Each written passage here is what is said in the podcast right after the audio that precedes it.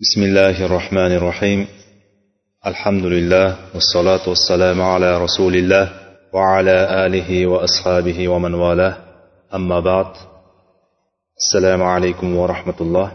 اللهم يسر ولا تعسر وسهل علينا وتمم بالخير. رب اشرح لي صدري ويسر لي أمري واحلل عقدة من لساني يفقه قولي. اللهم علمنا ما ينفعنا وانفعنا بما علمتنا وزدنا علما. قال المؤلف رحمه الله المرتبة الثانية الإيمان وهو بدع وسبعون شعبة. أعلاها قول لا إله إلا الله وأدناها إماتة الأذى عن الطريق. والحياء شعبة من الإيمان وأركانه ستة أن تؤمن بالله وملائكته وكتبه ورسله واليوم الآخر وبالقدر خيره وشره. والدليل على هذه الأركان الستة قوله تعالى أعوذ بالله من الشيطان الرجيم. ليس البر أن تولوا وجوهكم قبل المشرق والمغرب ولكن البر من آمن بالله واليوم الآخر والملائكة والكتاب والنبيين. ودليل القدر قوله تعالى inna kulla shayin xalaqnahu biqadar. Alloh taologa hamdu sanolar bo'lsin. Payg'ambarimiz sollallohu alayhi vasallamga u kishini oilalariga va jamiki ashoblariga saloti salomlar bo'lsin. Biz usuli salasa kitobidan o'qib kelayotgan darsimiz ikkinchi asl bo'lgan dini islomni dalillari bilan bilishlik haqida davom etayotgandik. Islom dinini dalillari bilan bilishlik kelgan joyimiz o'tgan darsimizda ikkinchi asosning birinchi martabasi bo'lgan islom martabasini islomning arkonlarini va uning dalillarini o'tgan darsimizda gaplashdik. Endi ikkinchi martaba bo'lgan iymon martabasiga keldik bugun. Muallif rahimaulloh islom martabasini dalillari bilan aytib bergandan keyin ikkinchisiga ko'chdi ikkinchisi u ham bo'lsa iymon martabasi ekan. Ya'ni shuning uchun olimlar o'rtasida ba'zi bir fikrlar borki islom bilan iymonni o'rtasini ajratgan. Hatto bunga doir hadis kitoblarida ham imom buxoriyni hadislarida ham ya'ni har qaysi musulmonni mo'min bo'lmasligi haqidagi boblar ajratgan. Ya'ni u haqiqiy mo'min bo'lishligi uchun ba'zi bir shartlar kerak bo'ladi. Va mana shu shartlarni mana bu kitobimizda qisqacha aytib ketyapti. Mana shu kitobimizda qisqacha berilgani bo'yicha davom etamiz.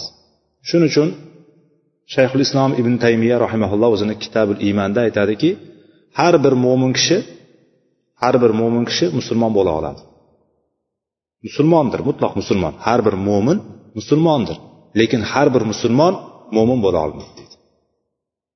Shuning uchun aroblar ya'ni badaviy arablar kelib turib aytgan paytda biz amanna deganda sizlar hali mo'min bo'lmadilaring valakin qulu aslamna denglar degan. Oyatda biz musulmon mo'min bo'ldik degan paytda yo'q hali sizlar mo'min bo'lmadilaring balki sizlar musulmon bo'ldik deb aytinglar deydi. Oyatda ham kelyapti buni farqi. Ya'ni shuning uchun olimlar aytishadiki musulmon bo'lgan kishi mo'min bo'lsa mo'minlik darajasi musulmonlik darajasidan bir pog'ona yuqorida deydi. Tushunarlimi? Shuning uchun ham bu yerda martabatu saniya deb turib ikkinchi martaba deb turib iymonni zikr qilyapti. Iymon o'zini ichiga nimalarni olar ekan muallif rohimaulloh buni hadisdan bir qism qilib oldi buni. Hadisning bir qismini olgan tarzda matn sifatida keltirdi. Iymon bidun va sabuna shubatdan dedi. Iymon yetmish nechtadir yetmish nechtadir bo'lakdan iborat yoki yetmish nechtadir shohdan iborat. Shoba degani shobatun bir bo'lak qism degan. Yoki uni bir e, shoha deb olishimiz mumkin daraxtga nisbat beradigan bo'lsak shoxi bitta shoxini olishligimiz mumkin. Iymonni bir butun deb hisoblaydigan bo'lsak o'shani hadisda yetmish uchta yoki yetmish to'qqiztagacha bo'lgan ya'ni saksonga yetmagan va yetmishdan ko'p bo'lgan. Bidon kalimasi uch bilan to'qqiz orasidagi narsa. Uch bilan to'qqiz o'rtasidagi sanoqqa bidon deb turib arablar ishlatadi. Mana shuncha shohi bor ekan mana shuncha bo'limi bor ekan. Faalaha o'shaning eng yuqori qismi eng yuqori bo'limi iymonni qovli la ilaha illalloh. Ya'ni tavhid kalimasi. Ollohdan o'zga barhaq iloh yo'q degan so'z demak o'sha iymonni eng yuqori nimasi ekan? Shohi ekan. Eng yuqori bo'limi ekan. Eng pastichi eng pasti va adnaha imatatul ada anit tariq yo'ldan ozor beruvchi narsani. Aza ozor beruvchi narsa. Insonlarga ozor yetkazadigan aziyat beradigan nima bo'lishidan qat'iy nazar o'shani olib tashlashlik. Cheki yopib qo'yishdik. Tosh bo'lsin shishani sinig'i bo'lsin yoki birontasi tuflab ketgan bo'lsin yoki bir e, xas cho'pak bo'lsin. Ya'ni biz o'tayotganimizda o'sha bizga ozor beryaptimi yo'qmi? Ko'zimiz tushganda ko'zimiz tushganda bir nafratlanyapmizmi ko'zimiz tushganda o'shandan bir qandaydir jirkanyapmizmi? Demakki biz o'zimizga yoqmayotgan narsa boshqalarga ham yoqmaydi. Inson tabiati shunday. Bizga o'zimizga yoqmasa demak boshqalarga ham yoqmaydi. O'shanday bo'lgan narsalarni yoki bir g'isht turibdi kelib turib urilsa odam yiqiladi. Yoki barmog'ini qonatadi. O'shanga o'xshagan narsa. Yoki shisha bo'lsa tikan bo'lsa bosib oladigan bo'lsa kiradi. To'g'rimi? O'shanaqa narsalarni olib tashlashlik. Yoki yo'l to'sib turgan katta narsa bo'lishi mumkin. Daraxtni katta shoxi sinib tushgan. Mumkinmi? Mumkin. O'shanday narsalarni nima qilishlik? Olib tashlashlik ham iymonni eng pastki darajasi ekan. Iymonni eng pastki qismi mana shu narsani olib tashlashlik deb turib hadisda keldi va val hayau shubatun minal iymon dedilar. Hayo insonni odamlar ko'rsa o'zi hijolat chekadigan narsa. Odamlar ko'rsa shuni ko'rmasin deb turib o'zini chetga oladigan narsa odamlarni yonida bemalol qilolmaydigan narsa o'shandan paydo bo'ladigan tuyg'uni hayo deyiladi. Odamlar ko'rishini xohlamaydi inson o'sha ko'rishini xohlamagan narsa hayo hisoblanadi. O'zbek tilida uyalish deyishimiz mumkin. Hijolat chekish deyishimiz mumkin. Shunga o'xshagan kalimalar bilan aytishimiz mumkin. O'zbek tilida hayo ham bo'lib o'tgan. Lekin hayo degan paytimizda ko'pincha ayollarga nisbatlanadigan qizlarga nisbatlanadigan narsa tushunilib qolingan. Ibo deydi masalan. Ibo deydi or deydi. Shunga o'xshagan narsalar bilan izohlanadi lekin hayo deganimizda boshqa insonlar yoki tanimagan insonlarimiz yoki biz o'zimizga yaqin olgan insonlarimiz yoki bizdan katta insonlar kim bo'lishidan qat'iy nazar? Ota onamizmi yaqin o'rtoqlarimizmi? Yaxshi ko'rgan insonlarimizmi? Ustozlarimizmi? Ko'rsa biz noqulay holatga tushib qoladigan narsa bo'lishligi o'sha hayo hisoblanadi. Hayo payg'ambar sallallohu alayhi vasallam aytyaptilarki shobatun minal iymon. Iymonning bir bo'lagidir dedi. Uni qayerda turishligini uni tepasidami pastidami o'rtasidami qayerda turishligini aytmadilar. Lekin hayoni ham iymondan bir bo'lak ekanligini aytdilar. Hayo timsoli kim? Hayo timsoli. Hayoda timsol bo'lgan kishi kim? Usmon ibn affon roziyallohu anhu hatto farishtalar ham hayo qiladi deganlar payg'ambar sallallohu alayhi vasallam farishtalarki hayo qiladigan kishi bo'lgan degan hayo ya'ni shariatda hayo maqtalgan sifat. Chunki iymonni bir bo'lagi hisoblanadi. U insonda qancha hayo kuchli bo'ladigan bo'lsa iymon ham shuncha kuchliligiga dalolat qiladi. Betga chopar uyalmaydigan shat shat qo'yib yuboraveradigan gapni yoki har xil beqiliq odamlar ko'rsa e deb turib qo'l siltab ketadigan sifatlar mo'minlarda demak nima ekan? Bu sifatlar topilishi hayoni kamligi hisoblanar ekan. Hayo iymonning bir bo'lagi dedilar. Sho'basi dedilar. Va uning bu hadisdan olingan qism. Muallif rahimaulloh buni matn sifatida keltiryapti bizga. Va uning rukunlari oltitadir. Nimani rukunlari oltita? Iymonni umumiy tasvirladi. Ana undan keyin uning rukunlari oltitadir deyildi. Iymonning rukunlari oltita ekan.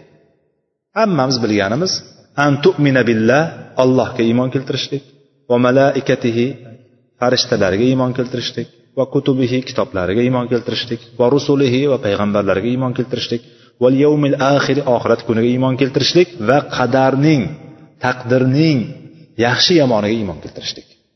Mana shu oltita. Mana shu oltita narsaga iymon keltirishlik iymonni rukni hisoblanadi. Bularni har bittasiga qisqacha qisqacha to'xtab o'tadigan bo'lsak allohga iymon keltirishlik qisqacha tarzda uchta narsani o'z ichiga olib ketadi. Allohning rububiyatiga iymon keltirishlik. Allohning rububiyat deya e, deganimiz parvardigor ekanligiga iymon keltirishligimiz. Alloh taoloni hamma narsani nimaiki bo'lsa hamma narsani yaratuvchi ekanligiga va yaratgan narsalarini shunday tashlab qo'ymasdan ularga rizq beruvchi ekanligiga va ularni alloh taoloni o'zi idora qilib turuvchi ekanligiga iymon keltirishlik. Bu rububiyat hisoblanadi. Allohning rububiyatiga iymon keltirishlik. Ikkinchisi alloh taoloning ulug'iyatiga ya'ni ibodatga haqli bo'lgan faqatgina alloh taolo iloh ekanligiga iymon keltirishlik. Alloh taologa alloh taologina sig'inishlikka loyiq bo'lgan ma'bud ekanligiga iymon keltirishlik ikkinchisi.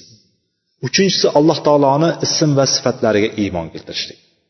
Alloh taoloni ism sifatlarini biz alloh taolo o'zini qur'onda sifatlagan alloh taolo o'zini o'zi haqida xabar bergan va payg'ambar sollallohu alayhi vasallam sunnati mutahhoralarida sahih hadislarida aytgan xabar bergan ism va sifatlariga iymon keltirishlik.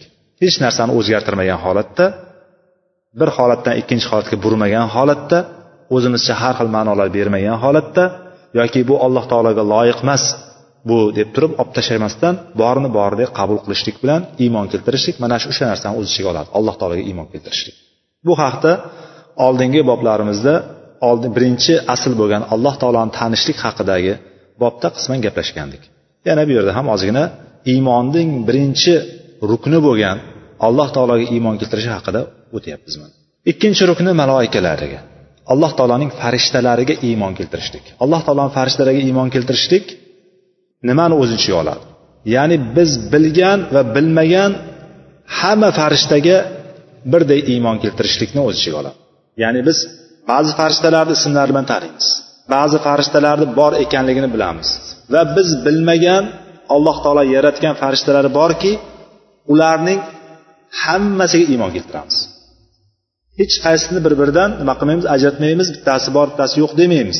Alloh taolo ularni nurdan yaratdi va o'ziga ibodat qilishligi uchun alloh taoloni buyruqlarini yeriga keltirishlik uchun mukammal bajarishlik uchun alloh taolo ularni yaratib qo'ydi. Ularga muhtoj bo'lganligi uchun emas. Alloh taolo ularni yaratdi. Hamma ishini so'zsiz bajaradigan. Ularda isyon degan qilmayman yo'q buni qilmayman bu narsa menga to'g'ri kelmayapti men charchadim deydigan nafs bermadi ularga. Alloh taolo ularga hamma ishni buyurilganni buyurilganday alloh taolo istaganiday bajarishlik uchun yaratdi ularni. Ularni eng kattasi bilganimiz jibril alayhissalom. Alloh taolo bilan insonlar o'rtasidagi payg'ambarlarni orasini vahiy olib keluvchi vahiyga muakkal qilingan vahiy ishi topshirilgan kishi jibril alayhissalom. Rivoyatlarda kelishicha bizning kitoblarimizda jibril so'zi to'g'riroq. Jibril deb aytishimiz to'g'riroq. Jabroil bu bani isroilni anlardan kirib kelgan kitoblardan kirib kelgan jabroil deyishlik lekin katta xato bo'ladimi? Shuni aytadigan bo'lsak yo'q katta xato bo'lmaydi bu. Lekin biz o'zimizning kitoblarimizda hadis va qur'onda kelgani bo'yicha jibril deb aytishligimiz nima bo'ladi? To'g'riroq bo'ladi. Hadisda bitta o'rinda keladi. Robba jibroila deb keladi. Unda ham jabroila emas jibroila deb keladi. Xullas farishtalarning eng kattasi eng ulug'i. Undan keyin bilamiz mikoil farishta bor isrofil farishta bor. Undan keyin malakul mavt deganimiz azroil farishtani ismi kelmagan bizni kitoblarimizda. Malakul mavt bo'lib kelgan. Malakul mavt o'lim farishtasi. Undan keyin bir qancha farishtalar bor ularni ismlarini biz umumiy tarzda bilamiz lekin bu ularni haqida mukammal to'xtaydigan o'rnimiz emas. Tushunarlimi? Hozir biz umumiy tarzda kitobning maqsadidan tashqariga chiqib ketmoqchi emasmiz. Ya'ni kitobni maqsadi bizga qisqacha bizni aqidamizni tanitmoqchi. Iymonni rukunlari nima ekanligini qisqacha bildirib ketmoqchi. Shu tarzda bilamiz farishtalar eng ko'p maxluqotlardan bittasi alloh taolo yaratgan maxluqotlarni eng ko'pi farishtalar hisoblanadi. Farishtalardek ko'p yaratilgan va bitta ishni qiladigan farishta ya'ni bitta ishni qiladigan boshqa bir maxluqotlar yo'q. Alloh taolo ba'zi bir farishtalar yaratdi faqatgina qiyomda turadi. Ba'zilarini yaratdi faqatgina rukuda turadi ba'zilarini yaratdi faqat sajdadagina turadi. Ba'zilari faqat tasbeh aytishga muakkal qilingan ish topshirilgan. Ba'zilari ollohni o'sha baytul ma'murda osmondagi ollohni baytul ma'mur degan uyi bor o'sha yerda aylanib tavof qilishlikka tavof qilib turib o'shani alloh taoloni ulug'lashlik uchun ibodat uchun yaratilganlari bor. Yana ba'zilari borki ilm halqalarini yer yuzida aylanib yuradigan sayohat qilib yer yuzini kezib yuradigan qayerda ollohni zikri bo'layotgan bo'lsa qayerda ilm halqasi bo'layotgan bo'lsa o'sha yerga kelib turib qolganlarini ham o'y bu yoqqa kelinglar deb turib chaqirib o'shalar tepasiga kelib turib o'shalarni haqqiga duo qilib turadigan farishtalar bor. O'shalar tepasiga kelib turib qanotlari bilan turib tepaga qarab turib osmongacha ko'tarilib ketar ekan. O'shalar tepasiga kelib o'ralib turib alloh ham bizni majlislarimizni mana shunday majlislardan qilsin. Ya'ni xullas shunga o'xshagan farishtalar soni ko'p. Ho'p undan keyin alloh taoloning kitoblariga iymon keltirishlik. Alloh taoloning kitoblariga iymon keltirishlik o'zini ichiga biz bilgan va bilmagan hamma kitoblarni alloh taolo o'zini payg'ambarlariga jo'natgan har bir sahifa deymizmi yoki kitob deymizmi hammasiga umumiy tarzda iymonni o'z ichiga olib ketadi. Biz uni bilaylik xoh bilmaylik. Lekin o'sha kitoblar bu kitoblarda alloh taoloning so'zi alloh taolo buni so'zlagan. Qur'on allohning kalomi alloh taolo unda bevosita gapirgan. Va mana shu kitoblarning eng oxirgisi va eng ulug'i bo'lgani qur'oni karim hisoblanadi. Qiyomatgacha bizni qo'limizda turibdi. Qiyomatgacha bizni qo'limizda turibdi olloh bevosita gapirgan bunda. Undan tashqari biz bilamiz ibrohim alayhissalomga sahifalar tushganligini muso alayhissalomga tavrot tushganligini undan keyin dovud alayhissalomga zabur tushganligini undan keyin iso alayhissalomga injil tushganligini bilamiz biz. Bularga umumiy tarzda iymon keltiramiz. Hozirgi kunda ham iymon keltiramizmi hozirgi kunda o'zgarib ketganku bu kitoblar deydigan bo'lsak ha iymon keltiramiz. Ularni hammasi alloh taoloni so'zi deb iymon keltirmaymiz. O'sha kitoblarni avval jo'natilganligida allohning kitobi o'laroq kelganligiga iymon keltiramiz. Uni boyagi kitoblarni hozirgi kundagi ular tavrotini injilini biz to'liq inkor qilib yuboramizmi yo'q inkor qilib yubormaymiz ularni chunki ichida agar inkor qilib yuboradigan bo'lsak alloh taoloni so'zlarini ham inkor qilib qo'yamiz. Shuning uchun biz umumiy tarzda iymon keltiramiz. Bunisi ollohni so'zi bunisi ollohni so'zi emas deb biz ajratmaymiz. Biz unga buyurilmaganmiz. Biz bilganimiz qur'on tushdi qur'on nozil qilindi va mana shu qur'on yigirma uch yil davomida bo'linib bo'linib bo'linib bo'linib har bir voqeaga xos va mos tarzda tushib keldi. Mana bular hammasi bir joyga jamlandi. Va alloh taolo qayerga qo'yishligini qaysi bu oyat qaysi suraga tegishligini qaysi joyga qo'yishligini qayerga yozilishligini payg'ambarimizga bildirgan. Bu narsani vahiy orqali aytilgan. Va mana shu tarzda har bitta surani payg'ambar sallallohu alayhi vasallam davrida qaysi suraning bo'lagi ekanligi bitta bitta aytilgan. Bular yozildi hammasi. Qur'on kelgandan keyin qolgan kitoblar nima bo'ldi? Hammasi bekor bo'ldi. Bekor bo'lgandan keyin uni o'qish ham mumkin emas uni ishini biz tadqiqot qilyapmiz tekshiryapmiz deb turib o'rganib chiqishlik ham mumkin emas. Tamom ish bitdi o'sha yerdan yopildi ularni eshigi yopildi. Qolgan kitoblarni eshigi yopildi. Lekin biz iymon keltirishligimiz oldin tushganmi? Ha tushgan deb iymon keltirishligimiz. Undan keyin payg'ambarlarga iymon keltirishlik. Biz bilgan payg'ambarlar bor va bilmagan payg'ambarlar bor. Hatto payg'ambar sollallohu alayhi vasallamga ham alloh taolo aytadiki biz sizga payg'ambarlarni bildirganimiz ham sizga qissa qilib aytib berganimiz ham bor. Va ularni ichida aytmaganlarimiz ham bor deydi. Bizni iymonimiz shundayki payg'ambarlarni hammasiga bilganimizu bilmaganimiz hammasiga umumiy tarzda iymon keltirishlik. Ularni o'rtasini ajratmaymiz. Bu payg'ambar nuqsonli payg'ambar ekan. Bu ollohni aytganini qilmagan ekan. Bunisi bunaqa ish qilib qo'ygan ekan bunisi bunaqa ish qilib qo'ygan ekan deb aytmaymiz. Zinnun. Zinnun. Yunus alayhissalom. Masalan qavmiga da'vat qildi qildi qildi qilgandan keyin da'vat qilgandan keyin ular iymon kelishmadi. Shunda achchig'i kelib turib qavmini tashlab chiqib ketib qoldi. Chiqib ketib qoldi alloh taolo unga dakka berdi misol. Qur'onda o'sha hudni qornida qolganligi undan keyin chiqqanligi yana qavmiga qaytib kelganda qavmini hammasi iymon kelganligi voqealarni biz bilamiz. Hatto payg'ambar sallallohu alayhi vasallam aytganlarki meni undan ustun qilmanglar deganlar. Ya'ni umumiy tarzda biz mana shunday iymon keltiramiz. La nufarriqu bayna ahadin min rusuli. Alloh taoloni payg'ambarlarini o'rtasidan birontasini bir biridan ajratmaymiz. Ajratmaymiz degani iymonda ajratmaymiz. Lekin ularni ichida ulug'lari bormi? Bor. Alloh taolo ularni tanlab olgan. Ulul azm deydi. Ulul azm matonat egalari. Sabr matonat egalari. Da'vatdagi mustahkam bo'lgan egalari. Shariat egalari bo'lgan beshta payg'ambarni bilamiz biz. Ular ulardan boshqa payg'ambarlardan ko'ra afzal fazilatlari ustunligi bor va butun payg'ambarlarni ichida ba'zi rivoyatlarda bir yuz yigirma to'rt ming payg'ambar kelgan deyiladi. Bir yuz yigirma to'rt ming payg'ambar jo'natilgan degan rivoyatlar keladi.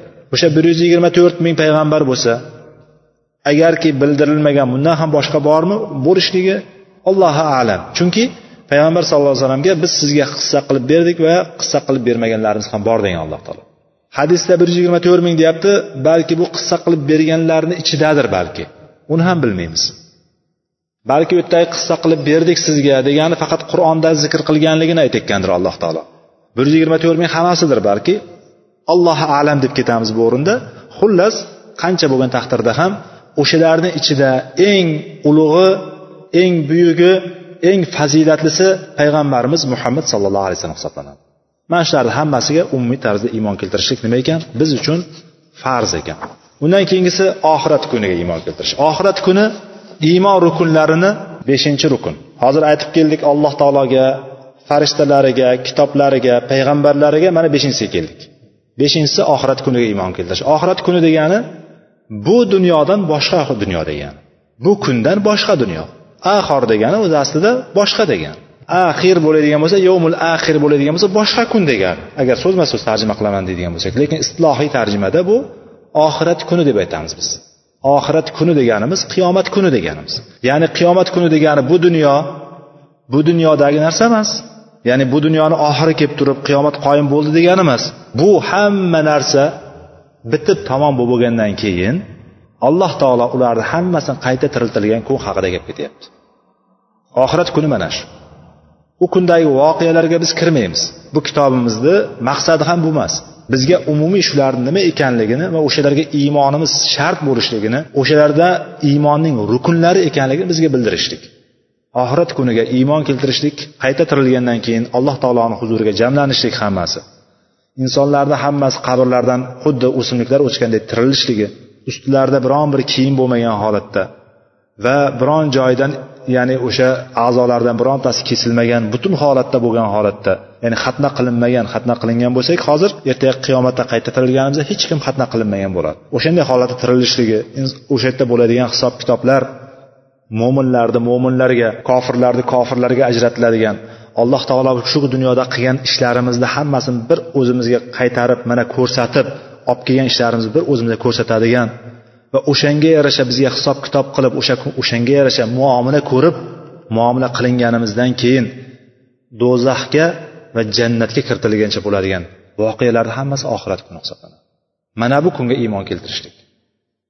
Mana bu kunga iymon keltirish. Ba'zilar buni barzax hayotini ham ya'ni o'lgandan keyingi qayta tiriladigan kungacha bo'lgan qayta tiriladigan kungacha bo'lgan holatni ham o'sha oxirat kunini ichiga bir qism qilib kirgizib yuborishadi qabrdagi hayot qabr hayotini. Qabrda kutib yotadigan hayotni. Ham qabrda rohat bo'lishligini yoki qabrda azob bo'lishligini anglatuvchi narsalarni ham oxirat kuniga kirgizib yuboradi xullas mana shu oxirat kuniga biz qanday iymon keltiramiz? O'sha narsalarni bo'lishligi muhaqqaq albatta bo'ladi shu narsa deb turib iymon keltirishligimiz. Bu dunyoda zarra misqolicha zarra og'irligicha yaxshilik qiladigan bo'lsak o'shani qarshiligini o'shani mukofotini albatta ko'ramiz. Va zarra miqdoricha yomonlik qilib qo'yadigan bo'lsak zarra miqdoricha xato qiladigan bo'lsak gunoh qiladigan bo'lsak o'shani ham javobini albatta ertaga ko'rishligimizni bizda qur'onda alloh taolo marhamat qilgan. Mana bu narsaga biz iymon keltiramiz. Va oltinchi rukni qadarga iymon keltirishlik. Qadarga iymon keltirishlik bu taqdir. Alloh taolo har bir narsani o'lchab yozib qo'ygan belgilab qo'ygan har bir narsa qadari bilan bo'ladi. Hech narsa tashqariga chiqib ketib qolmaydi. Bunga ham umumiy tarzda iymon keltiramiz. Biz qadar masalasiga hozir kirmoqchi emasmiz. Qadar masalasini tushuntirishlikda insonlarni biroz chekkaga chiqib ketib qoladigan insonni biroz insonni aqli yetmaydigan narsa bu. Bu g'ayb masalasi bu. Qadar masalasi g'ayb masalasi. Biz bilmaymiz u narsani. Biz bu bo'lgandan keyin o'sha ish yuzaga kelgandan keyin bilamizki mana shu taqdirda bor ekan deb aytishimiz mumkin. Lekin hali qilmagan ishimizga yoki qilmoqchi bo'lgan ishimizga bu ham meni taqdirimda bor. Shuning uchun shunaqa bo'lyapman deya olmaymiz biz. Tushunarlimi? Ya'ni inson o'zini nobakor ekanligini o'zini gunohkor ekanligini o'zini xatokor ekanligini meni taqdirim shunday. Shuning uchun shunaqaman deb turib hujjat qila olmaydi. Tushunarlimi? Inson shu narsani hujjat qila olmaydi. Bu narsa albatta o'sha yer yuzida bo'ladigan nimaiki bo'lsa nima sodir bo'layotgan bo'lsa u xoh yaxshi bo'lsin. Xoh yomon bo'lsin o'sha narsa alloh taoloning xohishi bilan bo'layotganiga iymon keltirishlik degani bu. Chunki alloh taoloni iznisiz hech narsa bo'lmaydi.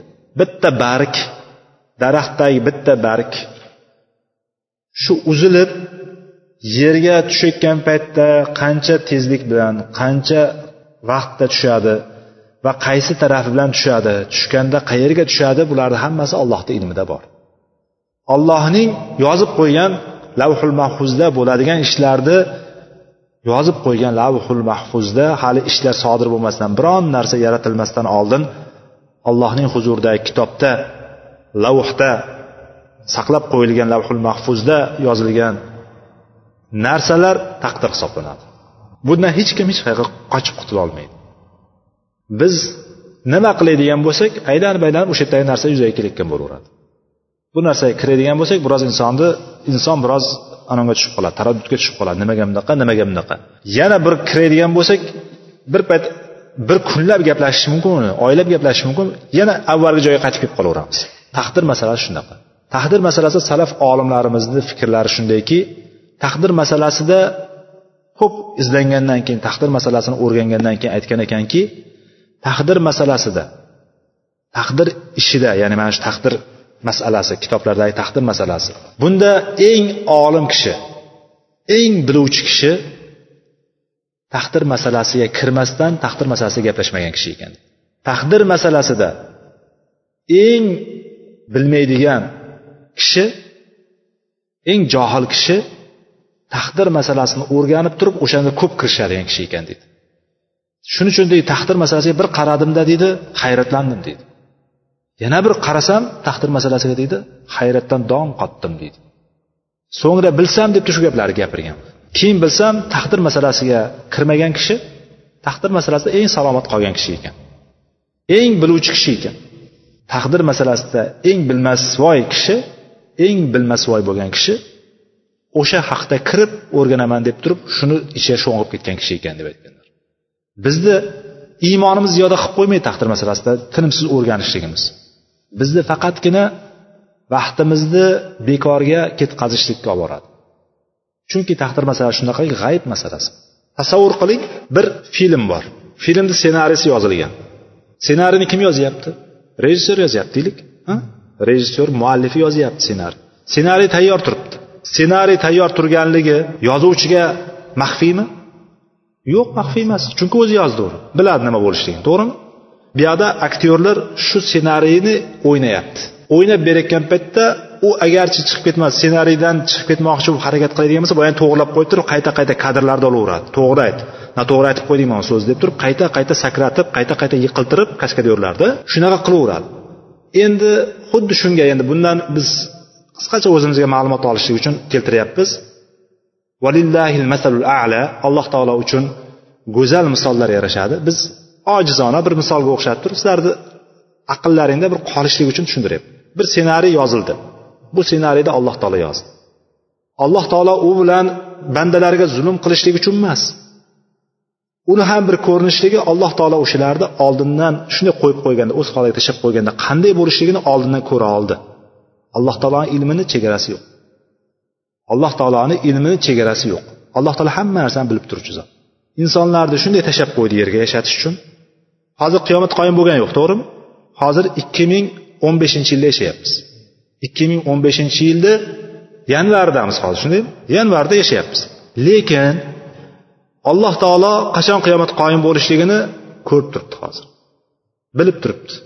O'shangacha bo'ladigan jarayon hammasini biladi. Va o'shanga yarasha yozdi alloh taolo. Va mana bu taqdir hisoblanadi. Bu yoqda biz aktyorlarmiz. Ssenariy o'ynab beryapmiz ssenariy o'ynayapmiz. Hech farqi yo'q. Bir ustozimiz aytib beradi. Masalan ustozimiz aytadi futbol deyapti. Match bo'lyapti deydi futbol final bo'lyapti. Finalni bir marta ko'rgan inson. Finalni ko'rgan. Nima bo'lishini biladimi yo'qmi? Bitta finalni ko'rdi. Gollar urildi. Endi yana qayta ko'ryapti boyagi finalni deyapti. Finalni yana qayta ko'ryapti deydi boyagi yana urolmayapti darvozaga. Gol yana urolmasa shu safar urgin deyapti.